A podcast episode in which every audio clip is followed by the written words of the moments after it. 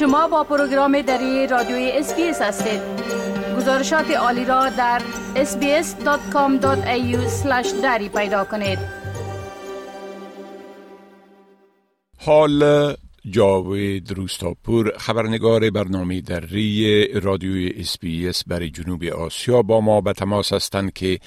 اونا درباره تازه ترین رویدادها در افغانستان معلومات میتن آقای روستاپور سلام عرض می کنم خب گفتم میشه که طالبا مردم مجبور می سازه که کمره های نظارتی را در منازلشان نصب کنه و ای باعث شده که مردم واکنش بسیار شدید نشان بده بله؟ با سلام وقت شما بخیر آقای شکر. بله امان گونه که شما اشاره کردین طالبان به مردم به خصوص در پایتخت در اطراف شهر کابل گفتن که در دروازه های دیوارهای خانه هایشان باید کمره های نظارتی نصب کنند. و این کمره ها به خاطر تامین امنیت ولی مردم واکنش بسیار تندی نسبت به این تصمیم و این اقدام طالبان گرفتن هرچند طالبان گفتن که این تصمیم برای تامین امنیت گرفته شده اما باشندگان محل به این نظرن که هدف اصلی طالبان کنترل مردم از این طریق است. چون اینا گفتن که در انتهای هر کوچه که کمره ها نصب میشه و دیوار هر خانه ذخیرگاه این کمره ها که اونجا کمره ها از اونجا کنترل میشه و هر روزه یا در هر هفته تصمیم به شده که طالبان آنچه که کمره ها ثبت می‌کنند با خود ببرند. مردم از یک طرف واکنش شامل بوده که کمره ها بین 8 تا 12 هزار افغانی قیمت داره و در حالی که وضعیت اقتصادی بسیار خراب است پول ندارند و طالبا مردم را وادار می‌کنن که از پول شخصیشان کمره ها را باید بخرن و نصب کنن و پول نصبشان باید به کسایی تکنیکی کسایی که کمره ها را نصب می‌کنن که تکنیکری این بخش هستن به او جرا پول میتن موضوع دوم هم کارشناسان و آگاهان میگن که اصلا اگر طالبان می‌خوان که کمره نصب کنن داره از پول خودی وظیفه دولت است که امنیت تامین کنن و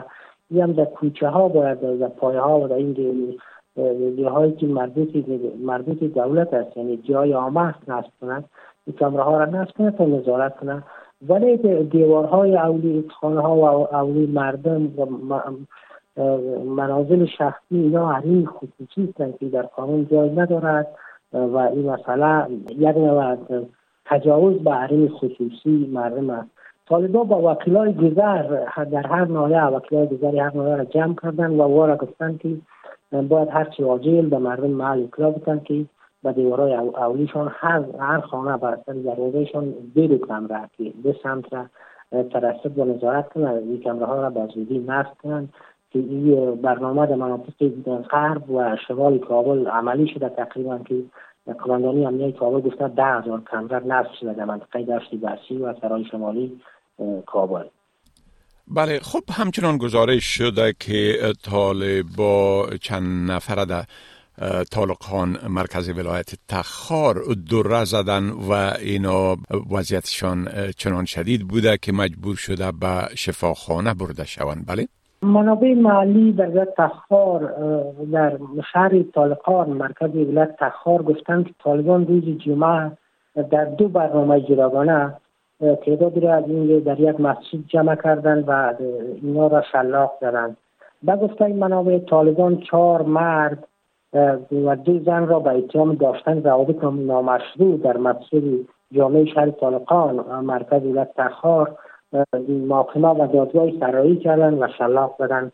روزنامه اطلاعات روز در وبسایتش به نقل از منابع محلی در شهر طالقان نوشته که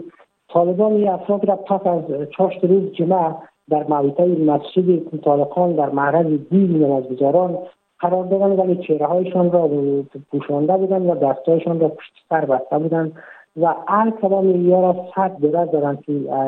دو تا از این زنها که در موضوع این تأمین بوده اونا به حالت کوما رفتن به اثر شلاق زدن طالبا و به شفاخانه دولتی تخار انتقال داده شده بودند. انتقال داده شدند همچنان طالبان پس از این دادگاه صحرایی در یک محکمه صحرایی دیگر در همین مسجد که ساعت سه بعد از ظهر روز جمعه اتفاق افتاده هفت دختر را به اتهام رعایت نکردن ایجاد اسلامی و نو پسر را به اتهام از که امرای این دخترها بودن از بازار طالقان به این مسجد آوردن و هر کدام از را سید و زدن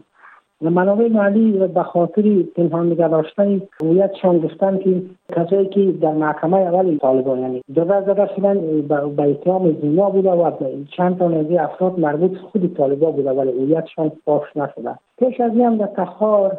در روزها و هفته های گذشته شکایت شده بود از بدرفتاری طالبان در ایستگاه و همچنان با خانم هایی که در شهر بازار گشت بیدار می‌کنن که یا شلاق می‌زدن و می‌گفتن که حجابشان رعایت نکردن حجاب. و بیشتری مثلا از طرف ماموران اداره هم به معروف طالبان صورت می‌گیره و شکایت های جدی هم از برخورد این ماموران در ولایات و مرکز همچنان ادامه دارد. بله خب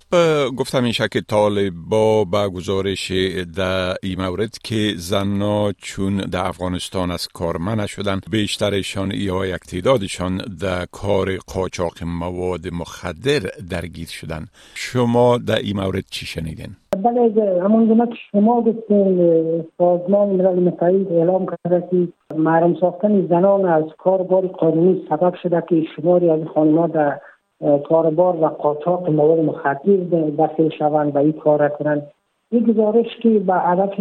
مشخص شدن نقش زنان در کاربار مواد مخدر و تاثیر پذیری آنان از مواد مخدر تایید شده با تعدادی از زنانی که کاربار مواد مخدر را می‌کنند گفتگو صورت گرفته شده و این گزارش نشر شده. این زنان به گزارشگر سازمان ملل متحد که بنا به دلایل اقتصادی و اجتماعی مجبور شدن که کار بار مواد مخدر انجام بدن و در کابل و گونه پودر در ایرمین را با معتادین و فروش برسانن چند که روز پیش هم یک رسانه محلی گزارش کرده بود تعدادی از زنان از بدخشان و تخار با ولایت های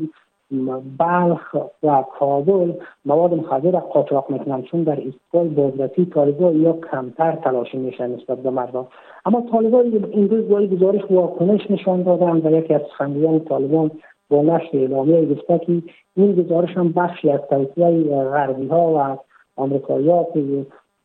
و سازمان ملل متحد علیه امارت اسلامی در حالی که امارت اسلامی علیه کشت قاچاق و ترافیک مواد مخدر به شدت مبارزه دارد و مواد مخدر در حال حاضر به گفته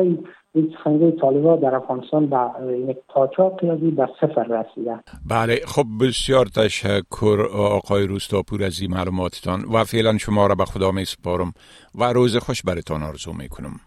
وقتی شما هم خوش خدا حافظ ناصرتان.